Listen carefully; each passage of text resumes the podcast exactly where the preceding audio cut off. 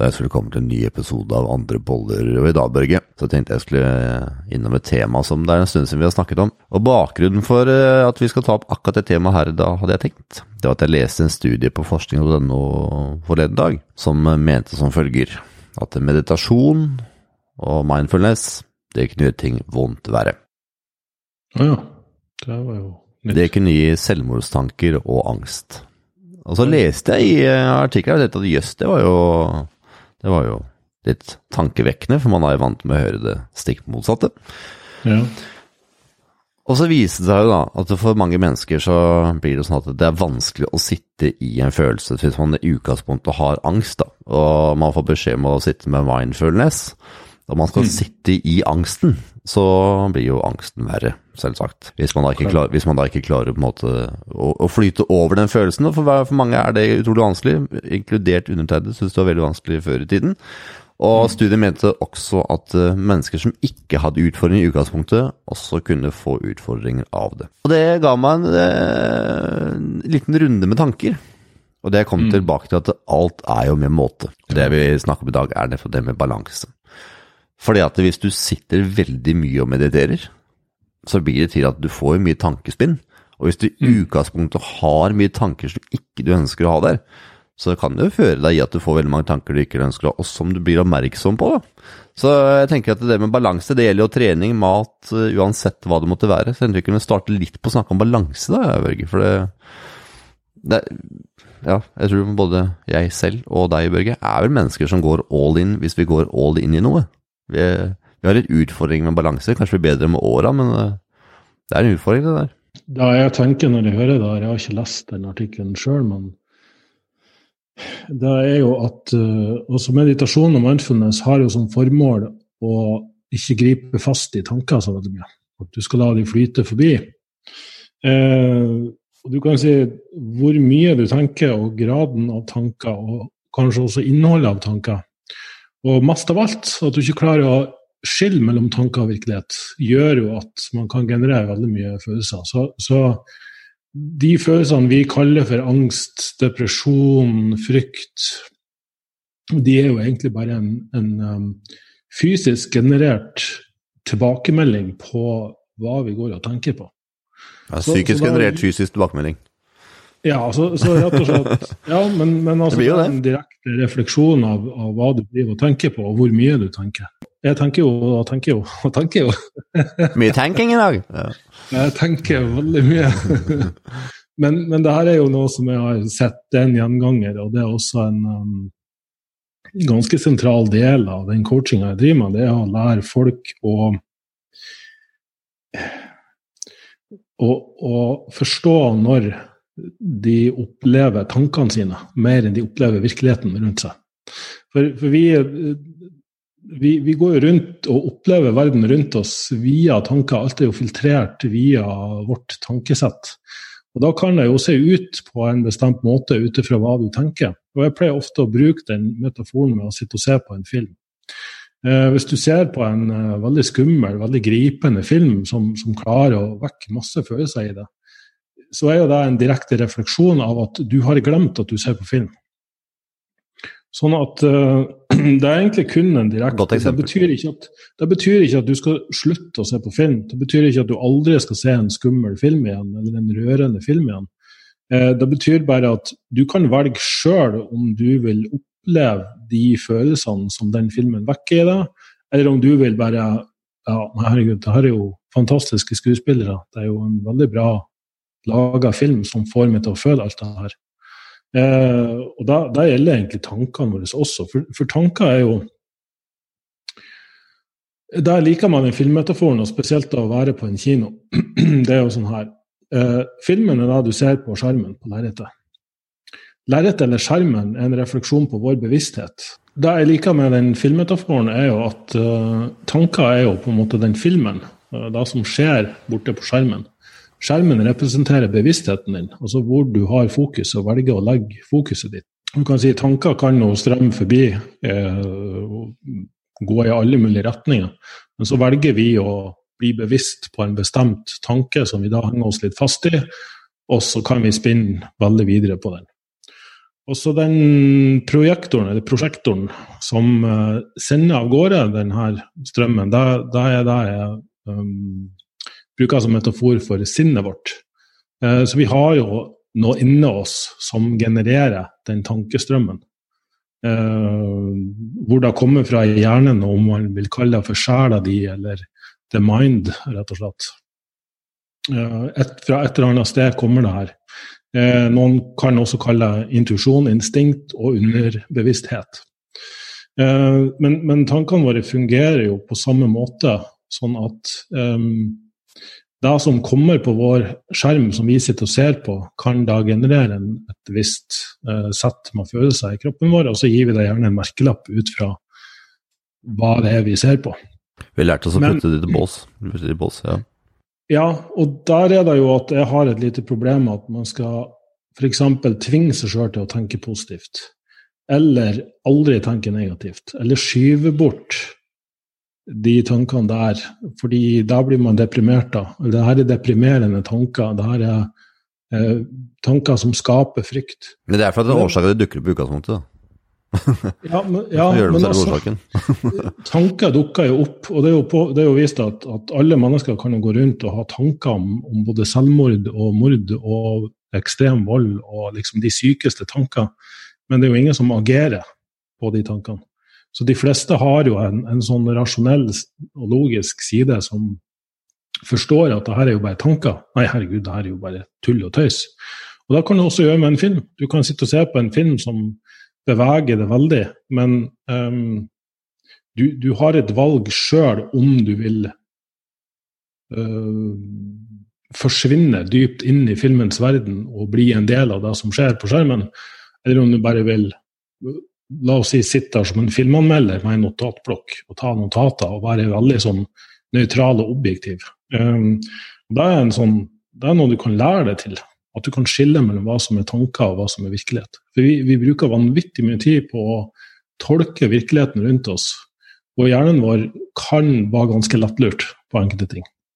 Og er jo, Jeg er jo helt enig med det du har av utsagn om det med å tvinge seg til å tenke positivt eller negativt. Jeg tenker at alt kommer tilbake til balanse der også. For at Hvis du er en person som alltid tenker negativt, da er det på tide å fortsatt sparke ræva og prøve å tenke positivt. Så det er sånn, mm. Vi må ha balanse på det også. Og det er noe med at de som alltid tenker positivt, de noen ganger kanskje trenger å tenke litt negativt òg. Så jeg tror liksom det gjelder balanse på alt, og jeg ser det samme med eksempelvis trening, da, som mange av de som lytter på andre boller, er opptatt av.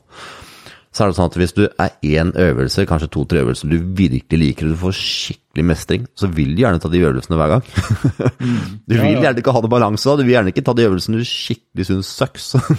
da vil du på en måte holde deg til det som er bra. Det er Litt med å gå minste motstands vei også. Um, og det, men sånn er vi mennesker, da? Ja, vi, vi har vel skapt litt sånn, tanker jeg. Men, men vi må jo også innse at vi har At den mekanismen fungerer som den gjør. At det her, er, det her er tanker. Det har egentlig ikke så veldig mye med virkelighet å gjøre. Og det kan se ut som om du må forandre på tankene dine. Det kan se ut som om du må eh, få andre mennesker til å oppføre seg på en bestemt måte, sånn at du ikke skal føle, føle deg redd eller eh, eller såra eller hva enn. Men, men, det er kun så mye makt vi gir de her tankene. Og så tenker jeg òg litt på det som at ja, balanse mellom positive og negative tanker. Men um, av og til kan det være nok å ikke prøve å forstyrre systemet så veldig mye. Se, se at du har en, en bolle med, gjørmevann. Sånn, hvis du rister på denne bollen, hvis du tilfører mer vann, det vil egentlig ikke gjøre at vannet blir klart.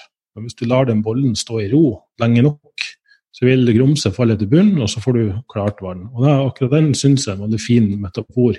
Den har jeg lånt fra jeg husker ikke hvem. Mulig noe sendbilist. Ja, jeg er, jeg er, til dels enig med deg, Aaberge. Jeg vil bare poengtere litt, for vi snakker om egentlig akkurat samme, bare forskjellige måter å poengtere på, tror jeg. Uh, og det jeg mener med det når jeg sier det med balanse, er at noen mennesker er jo negative uansett hva det er. Og da vil ikke mm. grums falle til bunnen, for det er tankesettet deres. Så det jeg mener med at hvis du har et tankesett som alltid er i negativ retning, uansett hva det er, og noen mennesker er nemlig sånn, at mm. uh, du kan bare si noe, så vil de alltid komme med hva som er negativt. For ja. den type mennesker vil det være hensiktsmessig å begynne å snu det til noe annet. Ja da. Eh, og da vil på en måte ikke grumset falle til bånn. For det er, tank, det er tankesettet deres. Men er det en person som i utgangspunktet er forholdsvis uh, lineær, uh, men det mener jeg at du er ikke liksom den som alltid er negativ, og du er ikke den som alltid er positiv, men hvis du er en person som er ganske lineær på hvordan du tenker, og du har en utfordring med noe, så er jeg helt enig i at da kan du la det være oddere som grop som faller til bunnen. Så det jeg vil poengtere, er vel ytterpunktene her, da. Så det er, ja. Hvis du er på en måte ytterpunktet, så prøv å balansere det ut. Og da er jeg enig med deg, Børge, at da kan faktisk grumset falle til bunn om du ikke bruker veldig mye tid. Ja, jeg ser den, men der sier jeg også litt ut fra den erfaringa med å prøve å få folk som tenker veldig mye negativt, til å tenke positivt. Eh, og Da er selvfølgelig også litt en treningssak. Men det jeg har oppdaga, og det jeg tror på, det er det at vi av natur, når vi ikke grave oss dypt ned i tankene våre.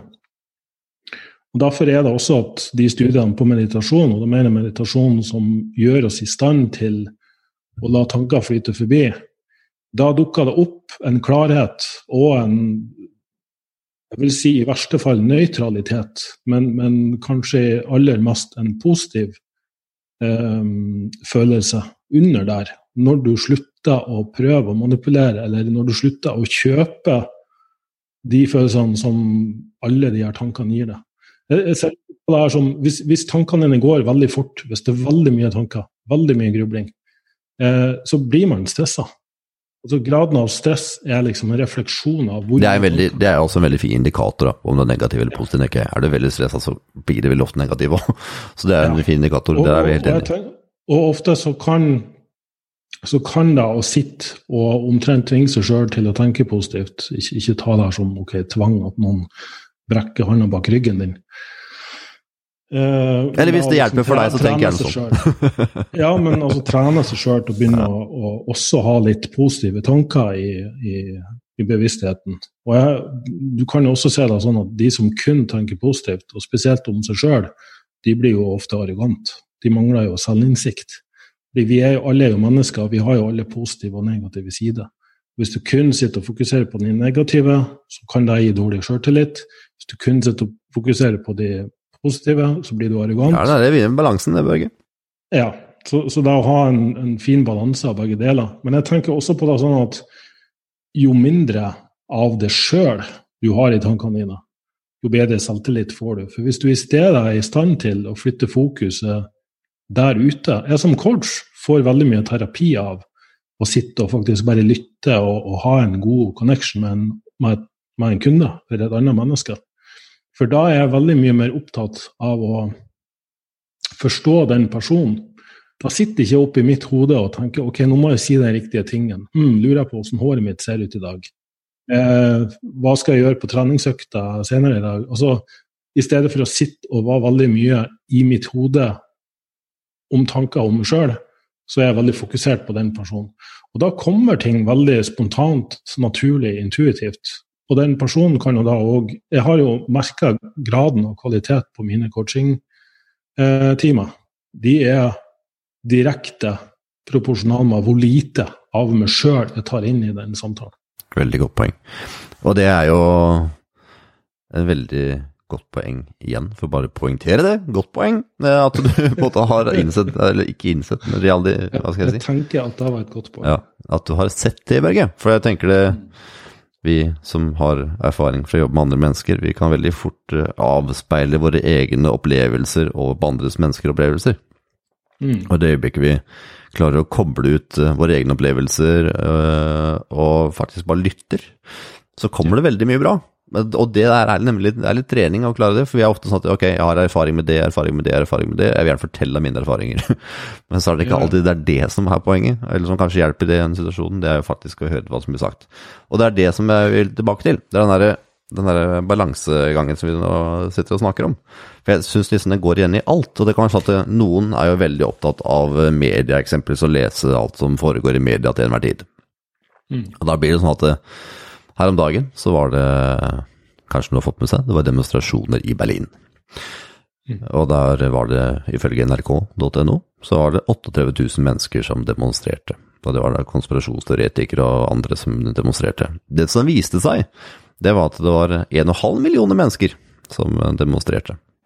Og det var på ingen måte bare konspirasjonsteoretikk ut fra hva måte, den andre siden av nyhetene ga. Og det som blir der også, det blir sånn at du får den ene delen av skalaen som viser at eh, oi, det her var egentlig ikke noen sånn stor sak i det hele tatt, hvorfor jeg gidder egentlig lese om det? Mens hvis du leser på andre siden av saken, så er det 1,5 million mennesker som, som fredelig demonstrerer mot én sak, er jo ganske mange mennesker, da. Som tenker mm. samme ting. Så du, du, får hele tiden disse polariseringene og aldri noe balanse, jeg. Så det er sånn, og spesielt i nyhetsbildet nå om dagen, som det er valg i andre land annet land også, som uh, har en stor innvirkning. Så det, den der ekstreme balansen vi ikke får om dagen, det føler jeg går igjen i alt. Om det er trening, om det er oppdragelse av barn, om det er skole, om det er jobb, uansett hva det måtte være, så føler jeg det mangler utrolig mye balanse. Den derre midtveien eller gråsonen, hva du ønsker å kalle den, den trenger vi å hente inn mye mer, altså. Fordi ekstreme ytterpunktene, det, det tenker jeg at det er ikke så heldig på alt. Og det er Ja. ja vi har, vi har snakka om det her på mange forskjellige temaer. Poengterer igjen og igjen. ja, og det kan være en periode der det er veldig mye fokus på et ytterpunkt. Fordi det som er midt imellom, den balansen, da oppleves ofte som kjedelig. Børge. Det er ikke ekstremt nok. Det er ikke spennende nok. Unnskyld at jeg avbryter deg. Og det her syns jeg er et veldig viktig poeng å ta opp. Nettopp for at vi sitter og snakker ut fra andre boller som blir produsert av My Revolution. My Revolution har du starta, Børge, for en del år tilbake, og handler jo om kosthold og ernæring og trening og livsstil. Er det noen segmenter som virkelig selger på ytterpunkter, så er det jo trening og kosthold. Ja, ja, ja. For det, det er jo ytterpunktene som gjør at du syns det her er interessant. interessant. Ja. Uh, og, jeg, og, det kommer litt tilbake til det du sier. Hadde man klart å selge kosthold, tror du, med å på en måte gå i midten? det var veldig vanskelig, fordi jeg har jo kjørt et konsept på engelsk, engelskspråklig her for en par år siden, som heter Sustainable Self-Development. Som er sier bærekraftig selvutvikling. Og der var da f.eks. på kosthold så snakka jeg om ytterpunkter, og så snakka jeg om at for de fleste så vil en balanse være det beste. Og på trening så var det liksom å starte på høye reps, gå helt ned til lave reps, progressivt øke, øke vekta, og så se på det her som helhet, hvor var det du følte det best, og så finne en sånn middel, middelgreie. Og da virka som det ble for kjedelig for folk, rett og slett. Det var ingen storsuksess. Jeg syns vi fikk Altså de som virkelig um, gikk for det her all in og, og prøvde det ut, og fant liksom de svarene i seg sjøl som jeg ønsker at alle skal finne, de har skrevet til meg i ettertid og sagt at det her var noe som virkelig forandra livet mitt. Så, så, bare de tilbakemeldingene seg sjøl har gjort at jeg har lyst til å skape noe på norsk også, for å liksom nå ut til, til folk her til lands også. Men, men, det slo meg litt at det var veldig mange som bare Nei, det her er ikke ekstremt nok. Det her er rett og De sa ikke det direkte, men det var veldig åpenbart at de personene så som begynte på det her, falt litt av, de var gjengangere i de her enten high volume-gruppen eller uh, spis kun kjøtt eller spis kun vegansk eller spis Skjønner du? De ytterpunktsgruppen. De var mer tiltrukket av å diskutere de her voldsomme tilnærmingene som var ok, enten ett sett hver 14. dag til total utmattelse der livet passerer i revy, eller, eller 30 sett. Skjønner du? Det, det, var liksom, det er ikke noe midt imellom. Så, så, og jeg føler jo jeg har brukt veldig mye av livet mitt for å få folk til å skjønne at ok, men det er liksom midt imellom her, der du kanskje innimellom går til et ytterpunkt for å skape en Av og til må det systemet som Hvis det er ubalanse, så må du kanskje helt i motsatt ende for å få likevekt. Sånn hvis du ser for deg vippehuska, og systemet ditt er veldig siderumpa på ene sida, så må du for å jevne deg ut, så må du legge på vekt på andre sida for å få likevekt. Så jeg, pleier å se litt sånn på systemet, og, og at dette er en gjenganger i alt. Hvis du har spist, eh, og ikke for å liksom peke ut deg, men jeg tror de fleste vet hva jeg syns om et, et vegansk kosthold. Eh, folk som har spist vegansk i veldig mange år, og opplevd at det bare ødela helsa totalt eh, for de personene det her gjelder. Eh, det kan hende at de spiste feil, eller at vegansk var feil for de, uansett. Um, så har de valgt å gå helt til det andre ytterpunktet og spise kun kjøtt. Veldig mange av de største forkjemperne for kjøttbasert, altså det carnivore-kostholdet, er tidligere veganere. Som fikk en sånn stor smell av å spise plantebasert at nå skal de aldri spise planter igjen, ever again. ja, det er evig balanse. Jeg tenker jo, jeg tenker, ja, ikke sant, jeg tenker jo som så Ja, kanskje det var nødvendig en periode for å få det tilbake i likevekt. Men det betyr ikke at du trenger å spise sånn resten av livet. Du kan kanskje finne et, et mellompunkt der du kan ha både og. Jeg merker det gjennom dagen, nå for nå er det veldig mye ferske grønnsaker om dagen, Børge. For at jeg er med på sånn økologisk handelsgård. Det er jo ikke noe som er så godt som helt ferske grønnsaker du henter fra jorda. Om det er rødbeter, eller om det er uh, salat eller poteter, eller uh, hva nå enn er jeg spiser hver dag. Urter og det, er, det smaker jo så utrolig godt. ja, ja. Men det sammen med ordentlig kjøtt, det, er helt, det, er helt, uslåelig. Så det mine smaksløker har virkelig fått, hva skal jeg si, fått kjørt seg, fått trimma seg i det siste. Altså, for det det er utrolig hvor lite smak det egentlig er i veldig mye grønnsaker en pleier å spise til vanlig, merker jeg. Når du får det liksom rett fra jorda, så er det noe helt annet i smaken, altså. Og vi har jo Rødbeter har aldri smakt så godt. å, spise, å, spise, sesongbasert kortreist mat. Uh. Da er det mest smakfullt og mest næringsrikt. Altså det jeg kjenner den der energien jeg kjenner det for. Jeg kjenner det så forskjell på energinivået. Det er helt utrolig. Ja. Jeg, og jeg trenger ikke på det, jeg har sagt det før, så jeg har ikke mye, mye tid på det. Og jeg kjenner at jeg trenger mye mindre mat. Mm. Ja. Det er ganske Ja, det er, ikke, det er ikke kun kalorier som teller, men det er også Nei, næring. Altså. Det er helt sikkert. Men når vi først er innpå temaet sånn avslutningsvis, Børge, og du sa jo litt at det er vanskelig å egentlig få det fram, eh, at man måtte gå på midten. Og jeg syns nyhetsbrevene dine synes jeg jo er veldig bra til å være i midten. Synes, er, du har ikke noe sånn derre Ja, her skal jeg løse livet ditt for alt på disse tre stega. For det er oftest de overskriftene som eh, fanger veldig mange. Ja. Og du har jo klart å få det til uten å ta de overskriftene der. Ja, det har jeg vel for så vidt. Um, jeg er jo min egen verste kritiker, og det er jo igjen noe jeg prøver å, å ja, jobbe litt med. Og nett, altså nettopp det vi snakker om, det, å minne seg sjøl på at ok, men nå begynner jeg å gruble for mye om min egen kvalitet og verdi. og Da, da går det som perfeksjonisme i det. Og det er det som gjør at det blir bra innhold? Børge? Ja, så når jeg rett og slett får kobla meg litt fra akkurat det der og bare finner tema, ok, det her er faktisk litt interessant, hva, hva slags verdi kan det her gi for, for flere? Og, og, har det som fokus, så, så strømmer så, så flyter det ut av meg. Altså, altså, inspirasjonen kommer jo igjen fra når at man Jeg kan gjerne sitte og gruble veldig lenge på noe. Skikken dritt. Og, og, ja, og, og, rett og slett være veldig sånn opphengt i et tema for å liksom prøve å forstå det. Men så må jeg legge det fra meg. Og skape det rommet, skape det spacen. På sånn måte som hvis du er på gym og løfter ei tung vekt, så må du sette den vekta fra deg for at du skal kunne være i stand til å løfte ei tung vekt igjen. Du må ha pause mellom settene. Rett og slett litt, litt space mellom det, det, prøve, det, det, er noe som virkelig er tema for meg om dagen. Det å, det å skape litt space, skape litt rom mellom de her intensive øktene med, med grubling og tenking, trening, spising, uansett hva det gjelder runking. ja, og det er et viktig poeng, det. For det er alltid måte der. Det kan bli jækla sårt hvis det blir for mye. Så ja, Der kom nordlendingen fram. ja, vi trenger det, ikke sant, kjære lytter? Det er grunnen til at de hører de som hører. Jeg tenker at man trenger ja, å få litt uh... Vi, vi satser på det. Ja. Ikke vi mista 500 lyttere. På, ja, eller noen som kjørte av veien eller sykla over en noen. Satser på det gikk ja. bra. For det som du sier der, Børge, er at når du sitter og gulver på noe, så kommer det aldri noe fram. Men når du skal legge deg til å sove, eller du skal sette deg og slappe av, eller sitte til ro, mm. da kommer det alltid fram. Og da er du tilbake igjen. Da er i hvert fall jeg i hvert fall alltid tilbake, foran PC-en igjen. det er helt utrolig det, altså.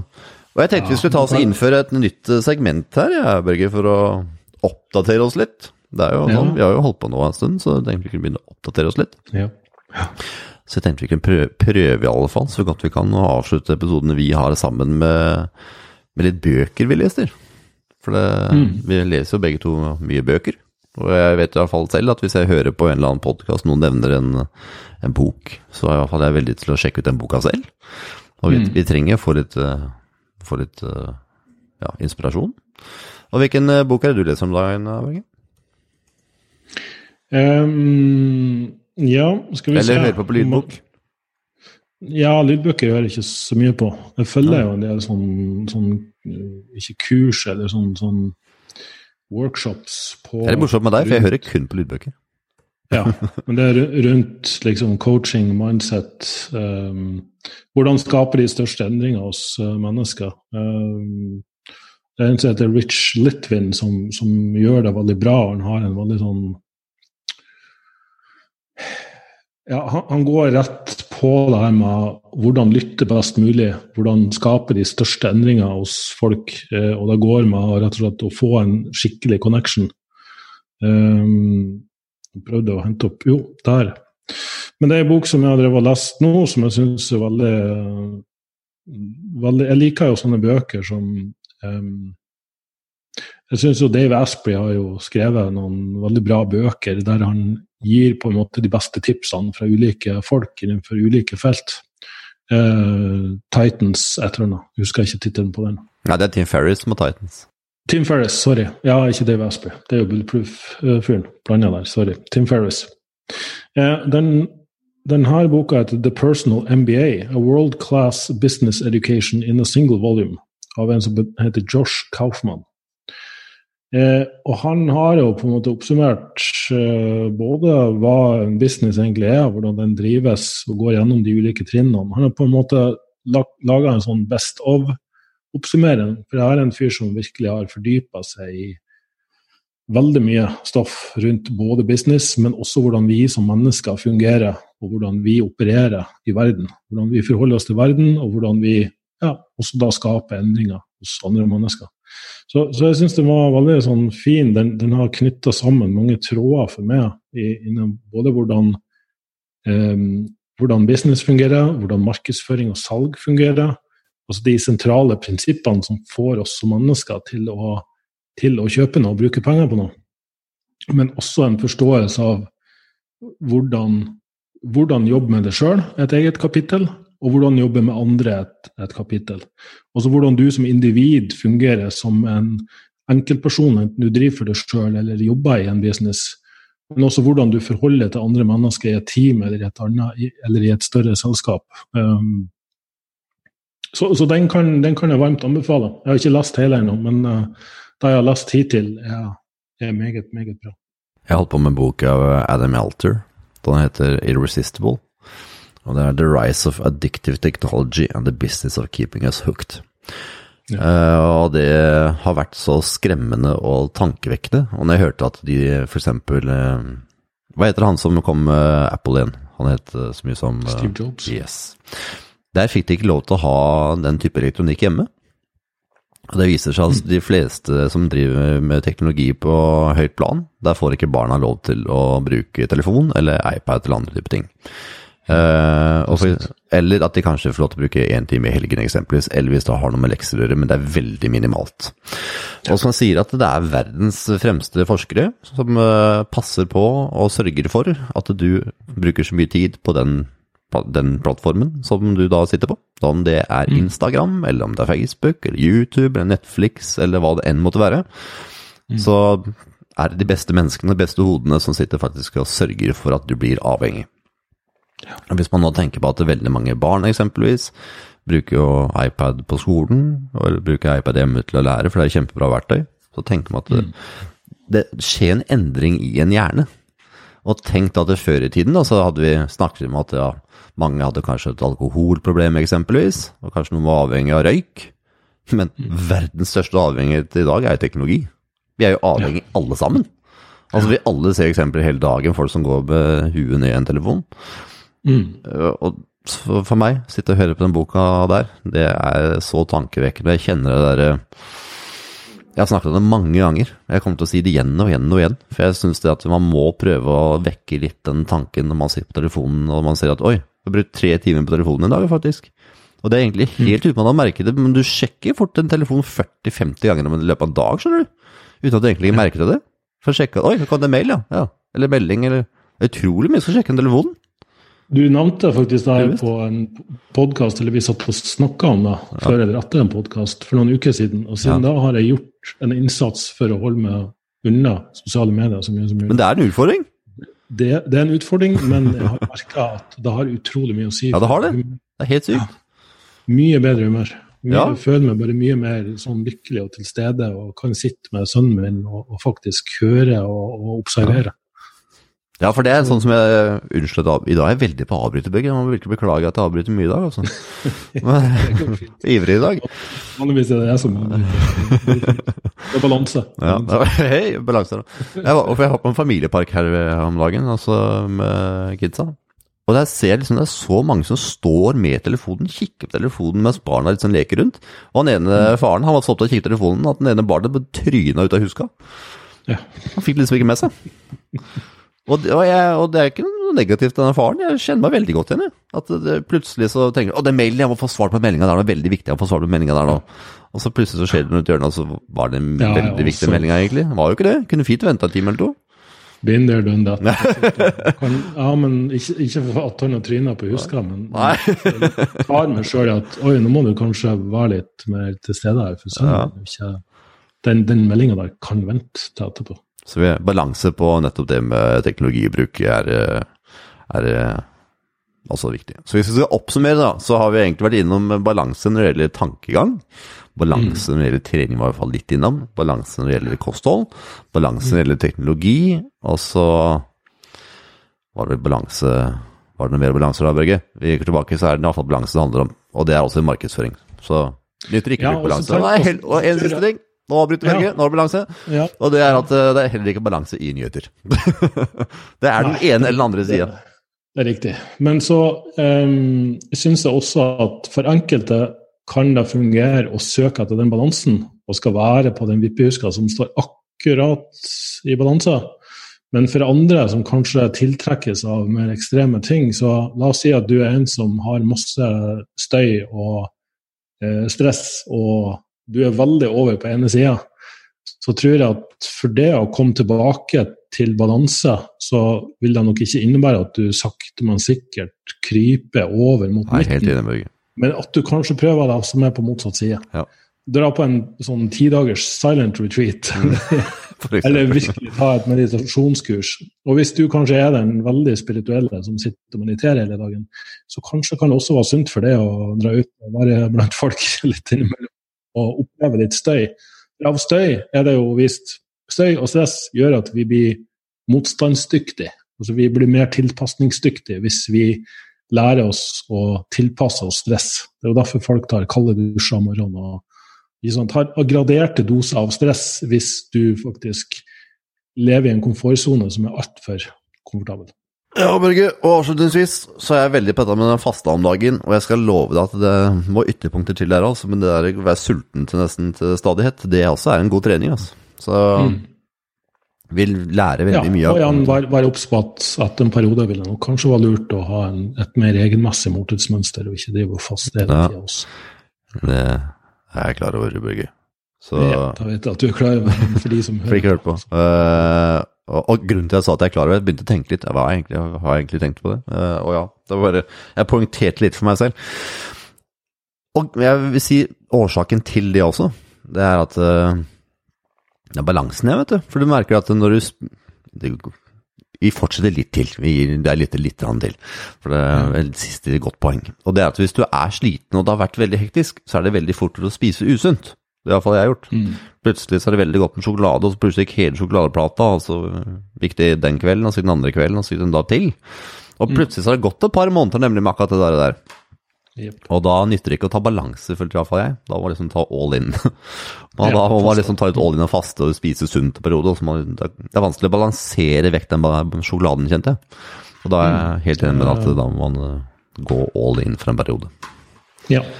Så riktig strategi til riktig tid til riktig person, som vil gjøre at du kommer dit du ønsker. Det var godt sagt på slutten, Børge. Så for deg som lytter, mm. håper du ble litt klokere i dag, og at du fant litt mer balanse i hverdagen. Og til neste gang må du gjerne sende forslag til tematikk til podcast at myrevolution.no. Og sjekk gjerne ut nyhetsbrevet som Børge sender ut flere ganger i uken. Nei, annenhver uke nå, faktisk.